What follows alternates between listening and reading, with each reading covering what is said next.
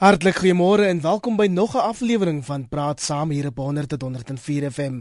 Vanoggend praat ons oor die goeie nuus wat verbruikers om middernag getref het.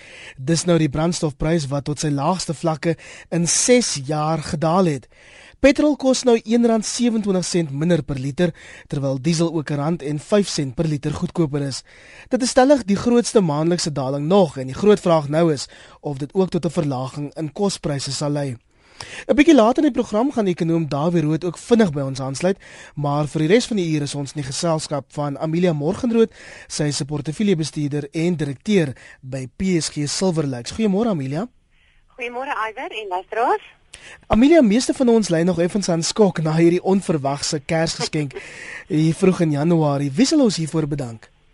Eerstens moet ek daarom sê dit is 'n baie aangename skok vir verandering in uh, vir ons in Suid-Afrika wat al so gewoond geraak het aan slegte nuus na en ehm um, so half gedesensiteer raak en ehm um, mense is al net so gewoond aan alles wat sleg is en die rand wat verswak en ehm um, en ewe skielik kry ons hierdie heerlike heerlike verrassingkie so so vroeg in die nuwe jaar ehm um, om 2015 op 'n hoë noot af te skop. En ehm um, wie ons kan bedank is ehm um, wel die internasionale olie oliehandelaars want ehm um, wat wat wat dood eenvoudig net die prys ehm um, aan aanhoudend aftrek sedert die begin van Desember alleen ehm um, hierdie prys van Brent olie ehm um, tot en met vanoggend se prys met ehm um, 30% gedaal. Die daling vir die jaar van 2014 was so 48 amper 50%. So dit is um, dit is ongekende dalings wat ons hier so sien en dit is een van die dis een van die grootste insetkoste ehm um, vir vir alle verbruikers, ehm um, vervaardigers, groot besighede. Meeste meeste van meeste van ons ehm um, beskou brandstof ehm um, of enige vorm van energie as een van die grootste uitgawes wat ons maandeliks het en wat ons maar net moet betaal en waaraan ons maar net gewoond moes raak met tyd. So hierdie kom as 'n heerlike heerlike verrassing um, om sê maar vandag um, ewe skielik 10% minder te betaal um, vir vir 'n uitgawe wat in elk geval moet aangaan vir die hele maand dit vir die hele maand van Januarie almal wat nou weer begin werk wat hulle tanks vol brandstof moet maak. Ehm um, weet ek woon in Pretoria. Ek ken so baie mense wat hierdie pad die wat die pad tussen Pretoria en Johannesburg ry elke liewe dag. So mense kan net dink wat 'n massiewe besparing dit vir hulle is. Dit is 'n heerlike verrassing, maar mense is amper te bang om te opgewonde te raak want ons het hulle in die verlede gesien Amelia hoe die brandstofprys amper wipplank ry. Hoe lank is dit voor ons maar net weer aan die ou pryse gewoond sal moet raak? Kyk, op hierdie stadium, iwer dit is baie moeilik om te sê waar die oliepryse gaan stabiliseer. Ehm um, ek het verskeie uh, artikels en mediaberigte en kenners en analiste en ekonome reg oor die wêreld se artikels gelees in die laaste paar weke um, redelik intensief en niemand weet presies waar hierdie prys gaan stabiliseer nie. Ek lees vanoggend sê baie um, 'n baie senior beleggingsstratege by 'n Amerikaanse bank vanoggend, hy dink nie 'n daling onder 40 dollar is is die buite die kwessie nie. Sê hulle die 1 Januarie het die prys van olie al reeds met um, 12% gedaal. Nou dit ons trek vandag vir die 7de Januarie. So teen die tempo wat dit nou gaan, um, is dit seker nie buite die kwessie nie, maar dit is die een aspek wat wat wat baie belangrik is, is die prys van die olie. Maar die ander aspek wat vir ons hier in Suid-Afrika 'n dramatiese verskil maak in wat ons betaal vir brandstof is die rand-dollar wisselkoers. Dit is een van die heel heel belangrikste goed. En sou dit nie as dit nie was dat ons rand ook ehm um, verlede jaar so baie verswak het en selfs nou in hierdie in hierdie laaste maand of twee ehm um, redelik dramaties verswak het, sou ons selfs 'n groter daling in brandstofpryse kon verwag. Want dit is wat die res van die wêreld ervaar, dit is wat byvoorbeeld die Amerikaanse verbruiker ervaar is 'n nog groter daling in die brandstofprys. Maar ehm um, daai daai faktor gaan gaan eintlik meer bepaal wat gebeur um, in die kort termyn met die met met ons brandstofpryse. Want jy weet wat die probleem is met iets wat so vreeslik gedaal het soos die olieprys. Onthou, 'n olieprys wat kom ons sê daal na 50 dollar toe. Ehm um, vir vir vir daardie olieprys om weer na kom ons sê 5 eh, na 75 dollar toe te gaan, moet hy 50% styg. Nou iets styg nie sommer net 50% oornag nie, né? Ons almal weet dit. So nou is dit nou sit jy in 'n situasie waar hierdie pryse nou al so dramaties gedaal. Dit gaan nie sommer net so maklik vir die olieprys wees om weer baie hoër te verhandel nie. So ek dink ek dink my beste raadskoot is dat die olieprys waarskynlik um, een of ander tyd gaan stabiliseer, bietjie sal opspring want dit is hoe markte en pryse werk oor die algemeen. En um, daar's 'n baie mooi Engelse woord daarvoor en dit is dat pryse altyd overshoot en undershoot. Dit beteken dat pryse daal te veel as hulle daal en hulle styg te veel as hulle aan die styg gaan. Net om byvoorbeeld luisteraars ehm um, se geheue te verfris in 2008 het ons ons hierdie dramatiese stygings in kommoditeitspryse gesien. Dit asof hulle dit so gejaag het, die prys van koper en aluminium en staal en so het sommer net sulke dramatiese stygings oornag, weet aanhoudende stygings gemaak. En dit was te dit het te veel gestyg en toe daal dit weer daarna te veel. So iewers tussenin vind daar weer ewewig beplaas en ekwilibrium in die markte. So een of ander tyd gaan die olieprys waarskynlik 'n bietjie stabiliseer en weer bietjie opgaan. Kom ons sê hy gaan na 40 toe, dan kan hy maklik weer sê maar opgaan na 4 uh, na 50 toe of 60 dollar en daar rond stabiliseer. Maar die kans dat hy sê maar net weer gaan opspring na 90 of 100, ek dink dit is redelik buite die kwessie. Nou Milie, die SMS'e begin instroom en dit klink vir my daar is heelwat verwarring oor presies hoe die brandstofprys elke maand bepaal word. Ja. Kan jy dit asseblief eens en vir altyd vir ons verduidelik? Goed. Daar's baie aspekte van die van die die samestelling van die brandstofprys wat in ag geneem word. Dit is ook 'n punt wat ek wil aanraak in vandag se gesprek oor en dit is die samestelling van die brandstofprys wat baie verander het in die laaste kom ons sê 2 jaar. Nou goed, dis nie net die prys van olie wat dit bepaal nie. Ehm um, as jy gaan kyk na ehm um, na die na die totale prys, is dit ongeveer die helfte van van daai prys wat ons betaal. Ehm um, of eintlik so bietjie meer as die helfte wat bepaal wat bepaal, uh, eh, word bepaal deur wat met die rand dollar wisselkoers en met die olieprys gebeur. Die ander helfte van die prys word opgemaak deur 'n verskeidenheid van goed. Die hoof die die die ek ek gaan sê maar die die belangrikste goed gaan ek noem. Die grootste gedeelte is wat ons noem die brandstofheffing. Ehm um, ongeveer op hierdie stadium ongeveer R2.24 van die prys van van brandstof is net die brandstofheffing. Nou daai heffing het in die laaste 2 jaar uh, ook redelik dramaties toegeneem met so omtrent so 25%. Dan die ander groot komponent, komponent is die wins van die stasie eienaars. Nou daai wins op hierdie stadium is R1.51 van die prys. En dit het ook dramaties toegeneem in die laaste 2 jaar.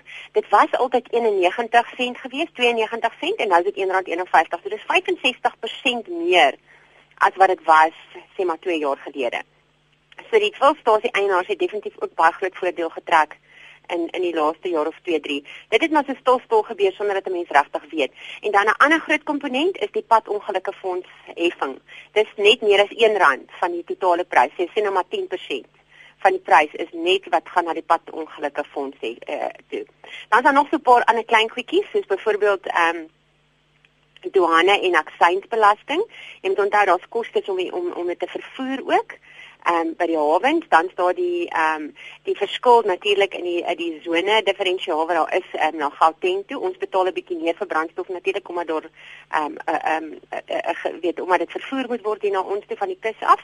En dan is daar ook die groot handelaar se wins en sy verspreidingskoste wat ook 'n redelike gedeeltetjie gedeelte is van die olie van die prys, sê maar so by net bietjie meer as 5% en dit is op hierdie stadium so 63 sent. En dit is 'n komponent wat afgeneem het in die laaste 2 jaar. So daai groot handelwins en die verspreidingskoste is is nou minder as wat dit was. Dit is so dit was altyd 73 sent en is nou 63 sent van die prys. Soveel van ons luisteraars wat glad nie hierdie um, storie koop nie. Iemand sê 'n vat olie is die helfte van die gewone prys. Waarom is die petrol ook nie 50% minder nie? Ja, ja, ek weet van al die stories van die swak rand ensovoorts. So weer eens is Jan Alleman verneek. En dan sê JP vir my olie is nou goedkoper as in 2008, maar die brandstofprys is steeds duurder as in 2008. Hoe verklaar mens dit met die olieprys wat dan goedkoper is, Amelia? Okay, nou goed, mense moet nou hierdie ding mooi in perspektief bekyk, né? Want as ons gaan kyk wat het ons betaal vir brandstof, uh, kom ons vat dit oor 'n jaarperiode, né? Want die mense moet mos nou iets, jy moet mos die appels met appels vergelyk. So kom ons sê, ehm um, jy gaan kyk na wat het gebeur in kom ons sê die jaar van 2014. Nou, 1 Januarie 2014 het ons R13.57 betaal vir ehm um, ehm um, ehm um, vir 'n vir 'n liter 95 eh, oktaan, né?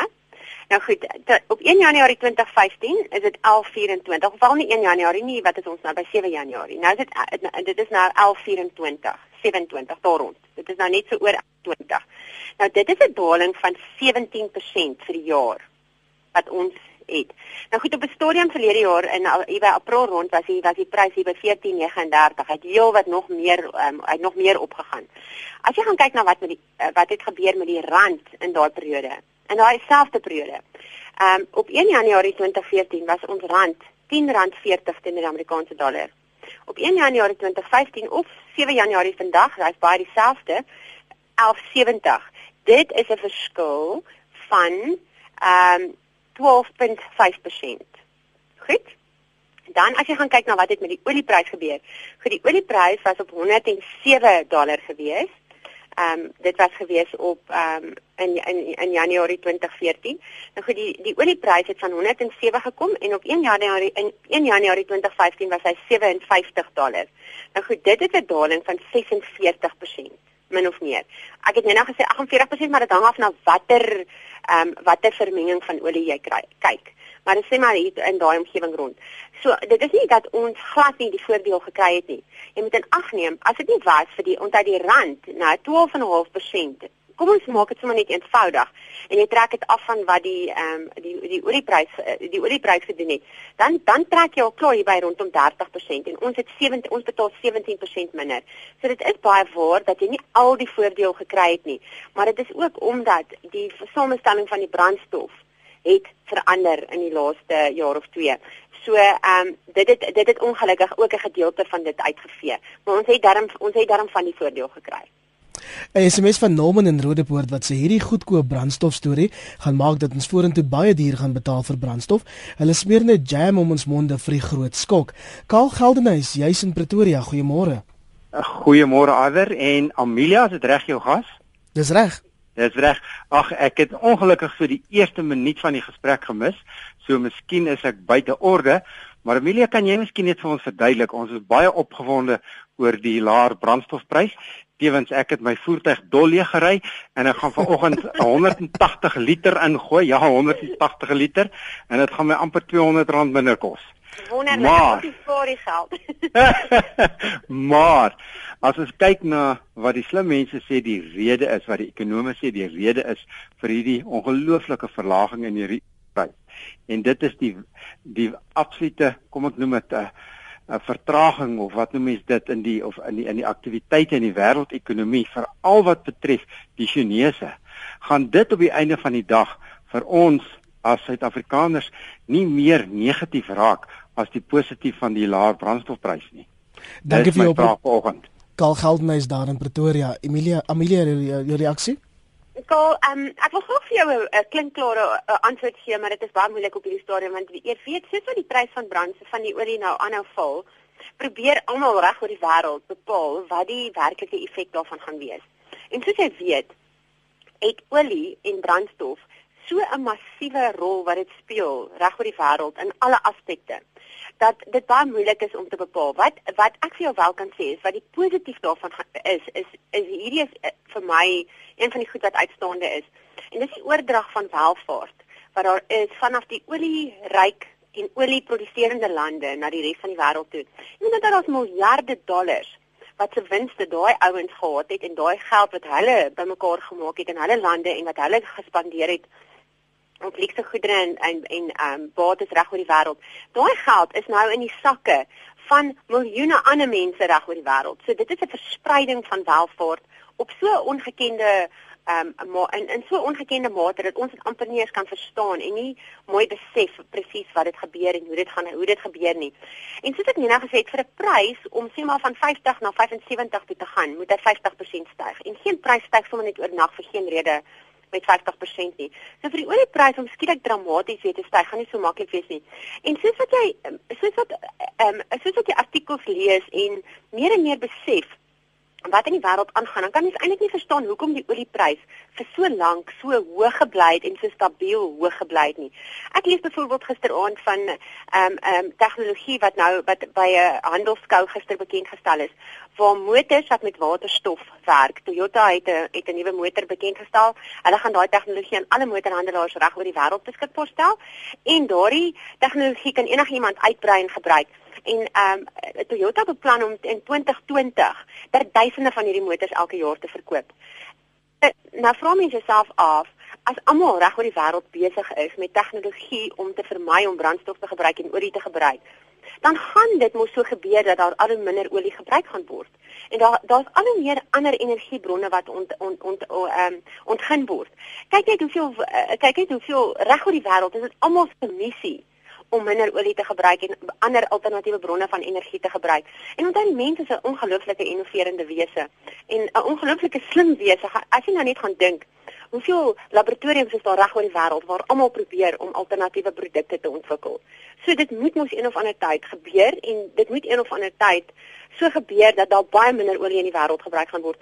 Ek stem saam met Karl, dit is so dat die wêreldekonomiese groei is is besig om af te plat um, wat betref China en Europa terwyl Amerika besig is om sterk te staan. Maar China is die groot gebruiker van kommoditeite en dit gaan sleg wees vir ons want soos wat die olieprys afkom, kom die prys van alle kommoditeite af. So ons betaal miskien nou minder vir brandstof en en en ehm um, brandstof invoer want ons ons voer 70% van al die brandstof wat in Suid-Afrika gebruik word voer ons in. So dit is waar ons gebruik nou ons ons gaan nou minder betaal vir brandstof maar ons gaan ook minder geld ontvang vir die kommoditeite wat ons uitvoer na die res van die wêreld toe. So daar's dit is 'n dit is 'n tweesnydende swaard. Vir ons in Suid-Afrika, ehm um, dink ek ehm um, ons word nie so ernstig geaffekteer soos baie ander opkomende lande nie, soos byvoorbeeld Brasilië, ehm um, van die van die uh, van die Suid-Amerikaanse lande. Ek dink maar net aan aan aan ander lande, kleiner lande in die Midde-Ooste, Rusland, ek goed, daar's nou weer ander probleme, maar hulle voer olie uit. So hulle inkomste is hoofsaaklik afhanklik van olie. So vir hulle is dit 'n massiewe probleem. Ons probleem is nie so dramaties soos wat hulle sinne is nie, maar daarom verlaag ons insetkoste ook en daar's baie meer um, vir die verbruiker daar buite maak dit maak dit ten minste dat jy weer kan lewe en kan asemhaal. Want dink maar net hoeveel ander pryse gaan op, né, en dramaties op, hmm. die prys van elektrisiteit, die ehm um, jou jou premies van mediese fondse. Daai goed gaan alles dramaties styg hierdie jaar. So op 'n of ander manier moet ons dan iewers verligting kry. Dit is wat hierdie brandstofprys vir ons bring. Die ekonom Dawie Rood is ook op die lyn, maar ons praat gou vinnig eers met sy brand daar in Heidelberg. Goeiemôre. Goeiemôre Ivan, goeiemôre Amelia Sybrand van der Spy van Heidelberg. Twee vrae is, ek weet nie of die een al miskien gestel is nie. Uh eerstens, wat sou die lae uh, brandstofpryse impak wees op Sasol se winsgewendheid of finansiële posisie? En tweedens, uh met die saag rondom die etol besigheid, uh met die lae brandstofprys nou sal die uh die prys wel die beoogde ekstra heffing as etol afgestel gaan word sou kan absorbeer. Wat sou impak daarop wees? Ek meen dis 'n kristalbal wat Amelia moet gebruik, maar uh, dit is interessant om te weet. Baie dankie. Tot sien. Dankie. Mooi dag daar in Heidelberg. Amelia, jou reaksie? Ja, goed. Ehm um, dit is die rede waarom Sasol se aandeleprys van R650 nou die dag sommer nog ehm um, nou gedaal het na onder R400 toe weer ehm um, gister. En dit is die groot rede is um, as gevolg van die daling in die oliepryse en prys van Ehm um, Sasol se winsgewendheid is absoluut afhanklik daarvan. Ehm um, dit het 'n direkte direkte effek op sy winsgewendheid. Ehm um, en dis waarom ons sien dat die prys so ongelooflik ehm um, rondspring en wisselvallig is want dit net het lyk of die oliepryse nou stabiliseer. Dit is wat ons gesien het uh, vrede week gebeur het. Of vrede in hierdie week, ehm um, net sodra die oliepryse bietjie stabiliseer, dan spring die prys van Sasol sommer op want almal dink nou nee, goed, nou is alles verby en nou kan ons nou kan almal asemhaal en nou kan ons weer Sasol koop. En gister het die prys maar net weer teruggeval na waar hy weet voorheen afgekom het. Ehm um, ja, dit so dit gaan definitief 'n baie baie groot effek hê op op Sasol en ook vorentoe, jy weet hulle het massiewe groot uitbreiding wat hulle beplan in Louisiana. Ehm um, die die die die geld wat hulle daar gaan spandeer is so wat is so wat 'n kwart van die markkapitalisasie van Sasol. So groot is daardie projekte. En natuurlik gaan hulle weer moet gaan kyk en wat die toekoms gaan inhou vir hulle ehm um, is is 'n oop vraag. Ehm um, en mense moet wel versigtig wees. Ek kry vreeslik baie kliënte wat my bel en van vra maar hoekom koop ek nou nie vir 'n Sasol nie? En die rede is dat ons eers moet kyk waar hierdie olieprys gaan stabiliseer en wat presies wat die effek gaan wees op op op Sasol se winsgewendheid. Ehm um, as ek nou reg kan onthou, ehm um, die laaste wat ek kan onthou het hulle gesê iets soos 'n 10% daling in die olieprys. Ehm um, is omtrent gelyk aan om 750 miljoen rand van Sasol se winste. Nou goed, ons het net in hierdie laaste week 'n 12% daling in die olieprys gehad. So dan kyk jy na ehm um, kom ons sê by 'n miljard uh, rand se winste van Sasol wat uitgegee word. So mense moet maar eers mooi gaan kyk waar daai somme presies, jy weet hoe daai somme presies werk en presies uh, eers gaan kyk waar die olieprys gaan stabiliseer. Kom ons sê goeiemôre aan Dawie Rood. Môre Dawie. Goeiemôre ook aan julle en ek hoop julle het 'n wonderlike 2015. Baie dankie, is jou tank al volgemaak? ek gaan net, ek gaan net. Dawie baie mense wat skepties is oor die brandstofprysverlaging, hoe voel jy daaroor? Ja, eh, wel, ek het 'n paar dinge geluister wat Amelia gesê het en ek verskyn met Amelia en hier's 'n paar interessante dinge wat besig is om te gebeur. Miskien net 'n algemene opmerking is dat In die verlede het die mense om allerlei energiebronne gebruik. Ek meen ons het begin met gras te gebruik en hout te gebruik as energiebronne. Op 'n stadium het ons goed soos veen begin gebruik as hulle energiebronne, olie begin gebruik, gas begin gebruik en kernkrag, al daai goeders het ons gebruik. En ons het baie van hierdie energiebronne wat ons in die verlede gebruik het, het ons opgehou om te gebruik. Ek dink veen of wat ook bekend staan as speed is 'n baie goeie voorbeeld daarvan. En in alle gevalle het ons opgehou opgehou om 'n sekere energiebron te gebruik voordat die energiebron opgeraak het. Maar in geen een van die gevalle het ons oornag opgehou om energiebron te gebruik nie. So ek dink olie gaan sekerlik sonder twyfel oor tyd minder belangrik word as 'n energiebron. Uiteindelik, uiteindelik oor 100 of 200 jaar wanneer ook al gaan ons heeltemal ophou om olie te gebruik, maar dit gaan nie oornag gebeur nie. En ek het so vermoed dat die olieprys weer keer gaan begin styg op 'n stadium en op 'n sta en ek het so vermoed dat die olieprys moontlik in die kort termyn die volgende eh, klompie jare hier by 87 90 dollar daar ernstig gaan stabiliseer. En as dit kom hier is hoekom ek ook daar sê. Ek dink daar's 'n hele klomp nuwe tegnologieë wat na vore kom soos Amelie gesê het, maar dis nie dinge wat oornag gaan gebeur nie. Olie is nog steeds een van die maklikste en die goedkoopste manier om en energie te uh, gebruik. Natuurlik is goeie nuus vir Suid-Afrika, maar soos Amelie ook genoem het, is daar ander hulpbronne, kommoditeite wat Suid-Afrika uitvoer wat ook afgedruk word, soos byvoorbeeld platinumpryse en steenkool en so aan, en dis baie belangrik vir Suid-Afrika se uitvoere. So seker dit moet verwelkom word. Dit is seker 'n goeie nuus uh, vir Suid-Afrika, maar ek kan ook vir jou vertel dat die minister van finansies gaan volgende maand sy begrotingsrede lewer en ek kan sommer dit nou vir jou binne so soos ons sê ek sou dit op papier skryf en vir jou daarby teken dat ons gaan 'n lekker skerp loop in die brandstofheffing of die belastings op brandstof verwag en die petrolprys gaan ongetwyfeld as gevolg daarvan minder daal uh, of uh, ten minste gaan begin styg. So verwag in elk geval 'n verhoging in die brandstofheffing en die petrolprys sien maar van April af vorentoe. Ag nee man, Dawie, dis nie wat ons wil hoor nie. ek kan ook byvoeg, dit lyk my op hierdie stadium die nuutste syfers toon dat ons moontlik volgende maand so 'n verdere daling kan kry. Dis bietjie vroeg om te sê. Dit uh, hang van sê net maar so 20 sent of so 'n liter is heel moontlik vir volgende maand. Maar dis nie 'n tendens wat gaan aanhou afgaan nie. Ek het ook ek dink ook en ek weet nie of julle al daaroor gesels het Maar een van die belangrikste redes hoekom die oliepryse aan die daal is vandag is 'n is 'n lekker dosis politiek. Uh die, die ons weet daar's 'n klomp nuwe ouens wat nou begin om om energie te ontgin soos byvoorbeeld die Amerikaners, ek is seker jy al daaroor gesels, die sogenaamde fracking of die shale gas gas revolusie wat in Amerika aan die gang is. Ons weet ook daar's 'n klomp politieke konflik tussen Iran en Irak en Kuwait en Saudi-Arabië en daai tipe van plekke en en ek het so 'n idee ook dat uh, Saudi-Arabië wil graag die oliekrane oophou vir 'n tyd lank om die olieprys af te druk om 'n hele klomp van hierdie nuwe verskaffers uit die mark uit te druk finansiëel. En daarna so dra die ouens uit die mark uit is dan ek, ek gaan hulle maar net weer die krane so bietjie toe druk dan gaan die oliepryse weer begin styg. So hierdie is hierdie is sekerlik ten minste 'n korttermyn verskynsel. Dit gaan nie so aanhou nie. David Jerome Anderson van Athlone by te Kaapstad het getweet om te vra in hoe mate Sasol in die land se brandstofbehoeftes kan voorsien. Hy wil weet of Sasol nie in die land se totale vraag na brandstof kan voorsien nie. Jou reaksie daarop? Ek, Ja, ek ek, ek, ek dink Amelia kan miskien vir ons 'n beter syfer gee. As ek dit nie mis het nie, verskaf vir Sasol ongeveer 40% of so van Suid-Afrika se brandstof. Hulle is is 30. Ja. 30%. Ja, so ja, so ons kan nie volledig voorsien daarin nie. En uh, en onder andere is dit omdat Sasol nie meer 'n Suid-Afrikaanse maatskappy is nie, dis 'n internasionale maatskappy. Daar uh, uh, Amelia het genoem van die groot belegging wat hulle nou doen in India net byvoorbeeld. As ons daai belegging in Suid-Afrika gekry het, wow dit dan wonderlike gedoen vir Suid-Afrika. So nee, hulle kan nie volledig voorsien in Suid-Afrika se brandstof. En Sasol is nie net 'n brandstofmaatskappy nie, dit is 'n chemiese maatskappy. Maar dit kan ander goedes ook produseer, maar weer eker Amelia is baie meer ingelig daaroor as ek. Ja, en um, om aan te sluit by wat Dawie sê, kom ons sê argument onthou wel sou in die brandstofvraag in, in Suid-Afrika kon voorsien, sou dit nie relevant wees op die prys nie, want hulle sou nog steeds die internasionale prys gevra het. Maar dit is maar ehm ja. um, as gevolg van globalisering en ehm um, internasionalisering van alle pryse. Alle pryse verhandel maar dieselfde reg oor die wêreld op die ou einde. Ehm um, hoekom sal hulle nou in Suid-Afrika hulle hulle produk goedkoper verkoop as hulle hom in die res van die wêreld vir 'n hoër prys kan verkoop? Soos Davie ook gesê het, Sasol is 'n internasionale maatskappy. Hy gaan mos nou nie altyd ja. hy kom ons sê hy kan brandstof vir baie goedkoop produseer, gaan hy dit nie vir goedkoper aan ons verkoop nie. En en die die petrolprys is 'n sogenaamde geadministreerde prys.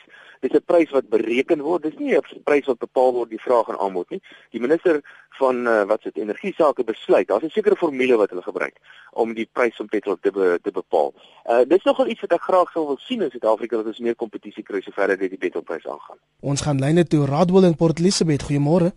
Goeiemôre. Kyk, ek, ek, ek wil net weet praat van uh, die die die prys van kommoditeite wat van afkom. Ek het gewerk vir een van die grootste glasmaatskappye in Suid-Afrika. En om die glas te vervaardig, het hulle olie in die oonde gebruik omdat natuurlik so doeltreffend was beste te gee en so. Nou te gewone uh, kyk jy snowball effek. Hoe hoe gaan hoe gaan dit nou die prys van glas beïnvloed byvoorbeeld? En uh, dit is maar een van die kommoditeite. Maar mag miskien hoeveel ander ander wees. So ek het net gewonne, mis, miskien gaan ons die die die die, die op die einde van die dag die snowball effek van uh, sulke soort uh, is een voorbeeld van sulke kommoditeite sien. En dan natuurlik iemand het nog nie daaraan geraak hè. Uh die prys van ehm um, vlugte want ek ek beplan om hierdie jaar oor see te gaan. So as iemand miskien daarop kan reageer. Dankie. Ek dink 'n paar goeie vrae Radwel daar in die baai. Voor ek vir Amelia vir jou vra om daarop te reageer, gaan ons sou Chris in Richards Bay se oproep. Goeiemôre Chris. Goeiemôre, dis Chris van Richards Bay. Uh, dit is vir ons 'n baie goeie nuwe jaars geskenk hierdie dat die petrolprys nou so gedaal het. En my vraag is ook nou net hoekom nou eers en ek verstaan dit gaan 'n hele jaar so bly. Want ek gaan nie op Kersfees en vakansie op vakansie nie. Ek gaan nou op vakansie want alles is goedkoper. Dankie. Totsiens. Fantasties. Dankie Chris. Amelia, jou reaksie op daai oproepe? Ek ek weet ek gaan eerstens Raadwel se vraag beantwoord. Ek kon nie hoor nie. Wat is die tweede ding wat hy gevra het? Vlugte, vlugte. Vlugte, ook nog vlugte. Okay, goed. Ehm um, ek dink jy weet 'n uh, uh, uh, uh, uh, ander aspek wat ons nou oor moet wat ons oor wonder is ehm um, gaan die ehm um, vir die vervaardiger of die persoon kom ons sê 'n maatskappy wat trokke het wat produkte aflewer, sy insetkoste is nou sê maar 10% minder. Gaan hy dit deurgee na sy kliënt toe? Um en ek dink die kans dat daai verlaging in die brandstofprys sommer net deurgegee gaan word onder toe is waarskynlik skraal. Um dit gaan dit gaan nie sommer net gebeur nie, want dan net baie vervaardigers het nou weer ander koste wat styg. Nou, um ons het um in die nuwe jaar is daar weer moontlik stakings wat kom, onderhandelinge vir loonverhogings, uit arbeids arbeidskoste wat baie styg, um elektrisiteitspryse het ek klaar gehoor gaan styg. Um hulle beplan iets soos 13% stygings. So uh, dit is die, die kans dat dat die dat die pryse gaan verlaag onder toe is ek dink is onwaarskynlik. Ek dink wat positief is is dat die kans dat dit gaan styg is dan ook minder. Ehm um, die kans dat ons dalk gaan eh, 'n uh, situasie kry waar inflasie bietjie gaan stabiliseer en waar prysstygings nie so vinnig gaan plaasvind nie, dit is meer waarskynlik. Ek dink daar's ook sekere produkte wat baie in die in die ehm um, nywerheids in die nywerheidsprodukte presies waar wat Radwel daar gesê het. En jy sê maar die produkte van glas word daar massief baie uh, olie gebruik. En baie ander um, in baie in die vervaardiging van baie ander nywerheidsprodukte is dit ook so dat daar baie olie gebruik word of brandstof gebruik word. En ehm um, die kans dat daai produkte se pryse kan afkom ek dink dit is dalk miskien beter veral as daar dramatiese dalings is Ehm um, maar ek dink die kans dat die verbruiker sommer net 'n 'n verlaging gaan ervaar is, is skralerig. Ek dink ons gaan eerder net staat maak dat daar minder stygings gaan wees want ons hier in Suid-Afrika het so gewoond geraak dat jy heeltyd duurder betaal vir produkte as jy jou mandjie vat na die supermark toe en jy gaan kyk wat het jy 'n jaar gelede of 2 jaar gelede ehm um, betaal het vir produkte en dan is jy baie keer so gefrustreerd want die amptelike inflasiekoers wat gepubliseer word Dit is nie wat jy betaal het meer nie. Jy het baie meer baie keer betaal want dan al wat se produkte jy alles koop. Maar ek dink die kans dat produkte vreeslik dramaties gaan styg is is skraal. So ons gaan eerder in 'n situasie van kalmte meer wees en rustigheid en bestendigheid. Kom ek lees gou van die SMS'e. Heelwat mense wat wil praat oor die impak op kospryse. Christo in Spring sê kospryse sal nie daal nie. Die salarisse van personeel bly hoog. Dit is tog vasgestel deur vakbonde sê hy. Nog luisteraar wat sê ek het nou so gewonder met die daling in die brandstofprys, wil nie een van die groot handelaars dalk vir 'n week lank hulle kliënte 'n 10% afslag gee nie. En iemand wonder, hoekom sak die kospryse nie ook nie, maar as die brandstof opgaan, gaan die kospryse weer op. En Morney sê, hoekom kos 'n blikkie kondensmelk nie minder in die winkels wanneer die brandstofpryse daal nie. Amelia, jou reaksie. Dis presies wat ek nou vir wat ons nou gepraat het Iver en dit is maar en dan ook ek dink jy weet die vervaardigers en die ouens wat produkte invoer en so en hulle wang die pryse sommer net te laat daal want hulle uh, soos uh, Dawie genoem het vroeër die begroting lê voor. Ehm um, dit is baie moontlik dat daardie deel van die brandstofprys, die brandstofheffing weer dramaties kan styg. Dalk gaan hulle besluit om eerder die etol daar uit te finansier want dit lyk asof die etol hele etol ding gaan heeltemal nou plat geval het. Ehm um, en mens hoor niks daarvan nie. Ek het gehoor dat van die kantore wat toegemaak het.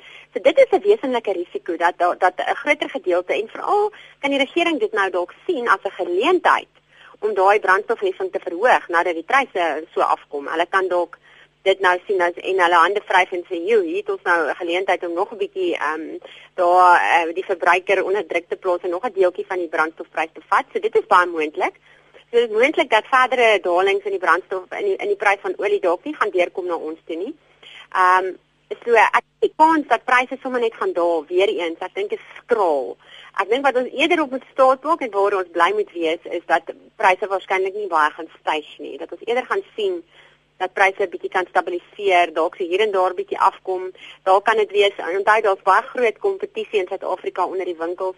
Daar's baie nuwe toetreders. Dalk kan die ehm um, die die groot kruiniersware winkels besluit om bietjie ehm um, druk te plaas op die op op op hulle verskaffers en dalk kan ons dalk baie spesiale pryse en spesiale geleenthede kry waar pryse bietjie uh, weet bietjie gaan daal. Maar ek dink wat die die die wat dit wat ek kan sê is dit gaan definitief meer positief wees as wat ons ervaar het in die laaste jaar of twee. Waar ons net wat wat ons heeltyd um, net aanhoudende stygings in pryse moes afweer. Ons gaan nie ons gaan nie dit hê nou in hierdie jaar nie of wel in hierdie in hierdie begin van 2015 nie. Dit klink vir my baie regverdig want ons hoor die heeltyd en ons lees dit in die koerante. Kos is duur omdat die petrolpryse so kwai geklim het. Dis wat die winkelgroepe vir ons sê. Logika sê hulle moet dan die pryse afbring minstens vir 'n kleiner tydperk terwyl petrol goedkoper is. Ja, soos ek sê alweer, ek, stem saam met jou. Ehm um, ek bedoel mense staan ontstel omdat die oliepryse verlede jaar amper 50% geval het en ons betaal nie 50% minder vir vir brandstof nie. Maar ongelukkig is is dinge nie net so eenvoudig nie. Nou, daar's soveel ander goed wat gefinansier moet word. Jy weet daar's geweldig baie armoede in Suid-Afrika. Ehm um, en dit moet alles gefinansier word. Alles uh, uh, almal almal wat sukkel uh, die regering daar is soveel gate wat toegestop moet word.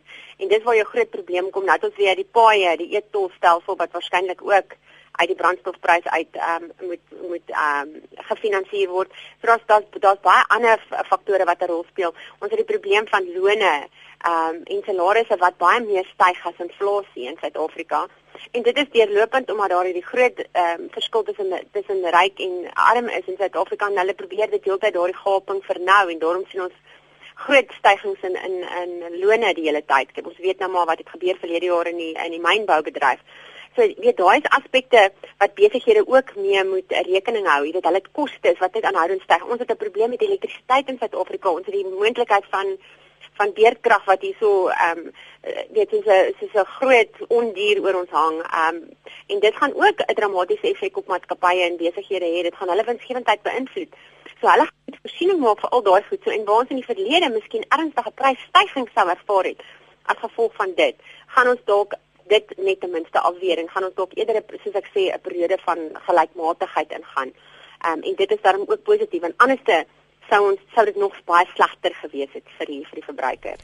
JJ en Mosselbaai is bekommerd. Hy sê die regering moet die verbruiker laat voordeel trek. Môre JJ. Môre, môre dan jou jou gas daar. Ja, weet jy ek luister met interessant en ek staan nie in my tyd hier oor die see loer. En nou dink ek aan hierdie al hierdie dingetjies wat wat julle nou oor praat. Jy weet dit klink amper vir my soos jy weet uh the, the good news and the bad news. 'n Vrou mos wat wil jy eers hoor? Jy weet, nou die good news is mos nou goed die brandstof uh, die die olieprys wat wat daal ensovoorts ensovoorts wat ek graag sal wil hoor en wat ek wil graag sal sien dat die regering aandag skenk hier aan dat die dat op verbruik dat hierdie deurgewerk word na die verbruikers toe so ek praat nou van mense wat wat sukkel wat ek praat nou van die prys van parafin byvoorbeeld en van brood en van hierdie uh goed wat daagliks uh, in mense se op hulle tafels land om te eet en so. Jy weet vir daai tipe mense uh hulle verstaan ek dink die mense staan lekker reg as jy nou dink jy's like dis so goeie nie is so lekker die een het nou gevra nou, hoekom het dit nie gebeur voor hulle met vakansie aanhou sê hy gaan eers met vakansie ek luister al die goed is positief en party mense voel bietjie anders oor dit maar die feit vir die saak is wat ek wil weet Amelia is is wanneer sal die regering dan nou verstaan? Ek wil nie die polit, politieke debat maak nie maar wat is die regering nou verstaan dat we, ons moet mos nou die goed deurwerk na die mense op straat wat sukkel die mense wat regtig die uh, sukkel om 'n bestaan te maak en wat vraagtekens vra oor die toekoms? Nou dit help ons nou nie jy sê maar die olieprys gaan nou afkom en die brandstofprys liewe dit die en en en nie en dan sê jy die ander kant maar nou gaan die die die die heffings hoër word en dit gaan dit gaan die regering gaan weer op 'n ander manier nou skep want jy praat die waarheid as jy dit sê en daarna verwys maar ek soek bietjie goeie nuus ook of ek wil ten minste dat iemand van die regering dan sê man ons gaan dit doen ons gaan nou meer kyk na ons ons ons ons mense wat arm is, wat nie werke het nie en en en ons gaan kyk hoe kan ons hulle help. 'n Brood byvoorbeeld, ek wil nou nie die hele gesprek opneem maar net sê as jy 'n brood die broodpryse styg aan mekaar. Ek kan dit nie verstaan nie. Uh, as eers goeie nuus in ons land kom, deurkom dan hoekom sal jy nie sê die regering sê goed, al subsidieer ons, ons maak die brood die helfte van die prys. Ons maak parafin die helfte. Die goedjies wat die mense mee hulle kossies maak, meel en en ons kan dit maar noem. So ek weet nie wat julle reaksie daarop is nie, maar ek gooi maar so 'n klip in die bos. Maar ek kan sommer dadelik vir JJ, né? En dit is ja. JJ, daar's 'n daar's ook nog 'n belangrike aspek wat jy in gedagte moet hou. As ons byvoorbeeld kyk na die landbou, 'n baie groot insetkoste van die landbou is diesel, brandstof. Nou, en kunsmis. Daar is alles pryse, chemiese pryse en energiepryse wat internasionaal bepaal word. Nou moet jy in gedagte hou dat kom ons sê die boer het reeds klaar sy oes geplant vir die jaar. Nou, hy het klaar die koste gehad, die hoë koste. Want hy het klaar duur betaal vir brandstof en sy ehm um, vir sy vir sy diesel en hy het klaar duur betaal vir kunsmis. Ehm um, en hy het nou klaar duur betaal vir sy saad en nou is daardie goed op die lande. Kom ons sê oor 'n paar maande oes hy nou daardie gaan hy dit nou oes. Dit is dit het om uh, dit het om 'n sekere prys gekos. So daai vir daai daai verlaging van die olieprys het hy nog nie ervaar nie. En dit is dieselfde in Amerika, daar het die boere ook reeds vooruit hulle um, ek het nou die dag 'n lang artikel daaroor gelees oor die oor die landbougemeenskap in Amerika en waar hulle ehm um, geskryf het hulle het reeds vooruit al hulle diesel gekoop. So die prys van eh, van olie wat nou gedaal het, het hulle nie bevoordeel nie. So eers met die volgende oes volgende jaar, met die volgende ehm um, volgende landbou siklus gaan daai voordeel. So sien net maar die olieprys kan so laag bly en ehm um, hulle kan dan volgende keer daai voordeel kry. Dan kan dit deurwentel na die verbruiker toe onder toe. Dan kan die prys van graan goedkoper wees en dan kan die prys van brood goedkoper wees. Maar jy moet onthou die brood wat jy nou koop, daai graan is reeds geproduseer teen hoër ehm um, insetkoste en hoër kommoditeitspryse. Dit is wel net voorsou dat die afleweringskoste daarvan bietjie goedkoper is. Maar dit is nog steeds geproduseer teen 'n hoër koste. So mense moet 'n bietjie geduldig wees en ons moet 'n duim vashou dat die oliepryse so laag bly want dan kan dit begin deurfilter en dan kan ons in die toekoms dalk dalings ervaar in die prys van voedsel. Eben Vosloo in die baie altyd lekker om van jou te hoor. Goeiemôre. Nee, ek is jammer, dis nie Eben Vosloo nie, dis Eben de Vos. Eben de Vos, skus die rekenaar stuur dit my ander sein uit. Jy's welkom in elk geval, Eben. Goeiemôre Iwer en môre aan jou gas. Ehm um, ek het nou onlangs dit so 'n uh, bietjie geluister na 'n bespreking een aand. Uh ek is nou baie groot in die motor versamelaar hier in Port Elizabeth gewees tot onlangs, maar toe sar 'n bespreking rondom die die die die, die petrolpryse wat wat wat in die buurlande betaal word vir brandstof wat van ons verkry word. Nou is my vraag, is dit waar dat daar dat daardie brandstof wel dra as goedkoper beskikbaar is in ons buurlande en as hulle dit van ons af ontvang, ontvang hoekom kan hulle goedkoper verkoop as wat ons dit verkoop? Baie dankie Eben de Vos. En saam met dit ook 'n SMS van Susan Webber wat sê my familie het gister van Mosambiek af teruggekom. Die brandstof is daar goedkoper as hier alhoewel hulle dit van Suid-Afrika af kry. En sy sê dit werk al lankal so. Is dit so Amelia Wel, ek is nie dit seker nie. Ek was nou nog nie regtig daar of brandstof daar gebruik nie, maar dit maak vir my sin. Want onthou, ehm um, ehm um, by ons hier in Suid-Afrika het ons ons eie formule hoe die brandstof ehm um, uh saamgestel is. Onthou as jy gaan kyk na die brandstofpryse, 57 net 57% van die prys van brandstof op hierdie stadium R6.48. Ehm um, wel tot en met gister R6.48 ehm um, word bepaal deur die basiese brandstofprys, die basiese olieprys. So die ander die ander 43% van die prys wat ons betaal is allerlei klein heffingkies en allerlei goederes kostes in die groothandel uh, uh wins dat die die die volstasie eienaars se wins die padongelukke fonds heffing die brandstofheffing so dis baie moontlik dat die brandstof ehm um, verskaf word aan aan ons buurlande waar baie van daai heffings nie ingewerk is nie want hulle is ons nou nie deel van Suid-Afrika nie hulle hoef mos sekerlik nie te betaal vir ons padongelukke fonds of vir mm. ons ehm um, uh, ons volstasie eienaars se winste nie. Dalk vra hulle volstasie eienaars se kleiner wins. So dis baie moontlik. So ek ek kan nou nie myself uitlaat. Ek is nou nie 'n kenner op daai gebied nie maar my logika sê vir my dat dit baie maklik so kan wees. So van volstasie eienaars se winste gepraat hoeveel win meer wins maak hulle nou deesdae Hulle maak baie meer wins. Ek weet nie ek weet nie presies hoe en wanneer dit hoe hoe dit gebeur het nie, Iwer, maar hulle het altyd 91 sent en ek onthou van jare gelede, jy weet ek het ook nou nie 'n massiewe kenner op die op die prys van uh, van die samestelling van brandstof nie, maar ek onthou baie jare gelede was dit nogal 'n bietjie van 'n 'n 'n 'n twistpunt by by die by die volstasie eienaars dat hulle ongelukkig was dat hulle wins nooit meer word nie. Nou, ek het baie kere gehoor van mense wat volstasies het wat klaar daaroor. Maar mense hoor dit nie in die laaste jaar of twee nie want ehm um, deel van die brandstofprys het dramaties toegeneem. Van 1 dit was altyd 91.8 sent so 2 jaar gelede en dit is nou op na 1 R1.51 van die van die prys van van van die brandstof. So as jy kyk na die prys wat ehm um, van R11 van R11.24 vir ehm um, 95 oktaan en jy vat ehm um, R1.51 daarvan, ehm um, is dit 13 so 13.5% van die totale ehm um, brandstofprys gaan net na die volstasie eienaar toe. So ek is seker hulle glimlag redelik breed want ek weet Suid-Afrika gebruik al hoe meer en meer brandstof. Daar's al meer en meer voertuie op die pad. So uh, hulle hulle maak definitief uh, hulle is definitief die ouens wat breed glimlag um, in hierdie hele in hierdie hele proses want dit maak eintlik saak wat met die prys van brandstof gebeur nie. Hulle kry hulle deel. Hulle R1.51 altyd. En as jy nou so 65% meer as wat dit altyd was soveel meer wins maak hulle persentasie gesproke.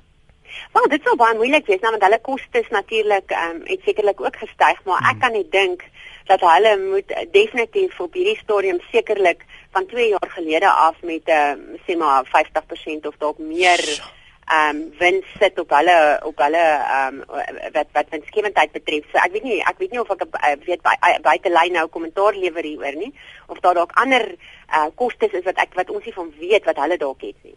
As my denkie reeds leeg was, is ek nou baie huiwerig wees om daar vol te maak, Amelia. Niels sê, ja. die tyd is besig om ons aan te haal, maar Niels sê, kan ons asseblief ook verduidelik presies hoe die Brent olieprys daagliks bepaal word? Hoekom is die prys nou so verlaag?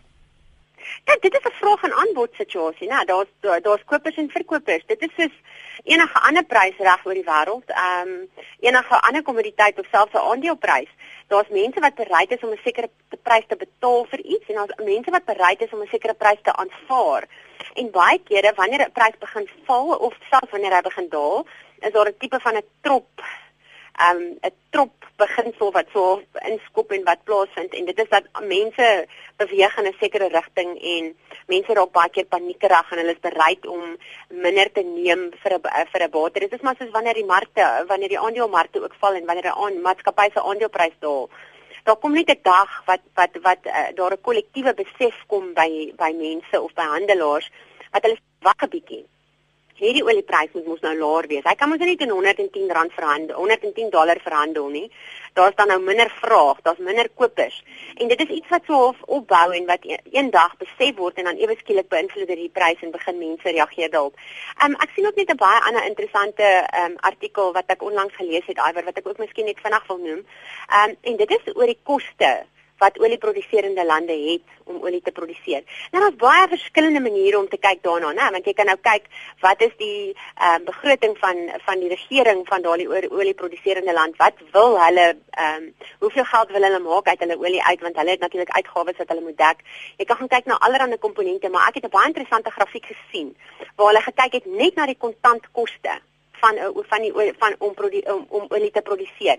En meeste van hierdie olieprodusente, olieproduserende lande se kontantkoste van olie is tussen 35 en 40 dollar per vat. So. En dit is na die skoon, net die Dit ons praat nie van wat hulle alles wil finansier daar uit nie. Ons praat nie van ehm um, ehm um, uh, uh, uh, wat wat ek weet nou wat die Afrikaanse wat royalties en sulke tipe goederes nie, maar ons praat net van die suiwer kontant koste. So dit vorm die olieprys ook so dramaties afkom, want die vraag is minder. So wat gebeur is, daar's daar's te veel olie in die wêreld, so die prys kan maklik afkom na hierdie dit is hoekom ouens ook sê die prys kan afkom na 40 dollar toe. Want dit is omtrent min of meer uh, in daardie in in daai lyn wat dit die kontantkoste is om olie te produseer. Dis ongelukkig alwaarvoor ons tyd het. Baie baie dankie aan my gas vanoggend. Sy is Amelia Morgenrood, 'n portefeuljebestuurder en direkteur by PSG Silver Lakes. Mooi dag Amelia. Baie dankie Iver. My naam is Iver Price. Etienne Ludik is môre Vrydagoggend op praat saam. Ek's weer Maandagoggend saam met jou en Lenet Fransis is dan Dinsdagoggend terug op haar pos. Bly geskakel hier by ons.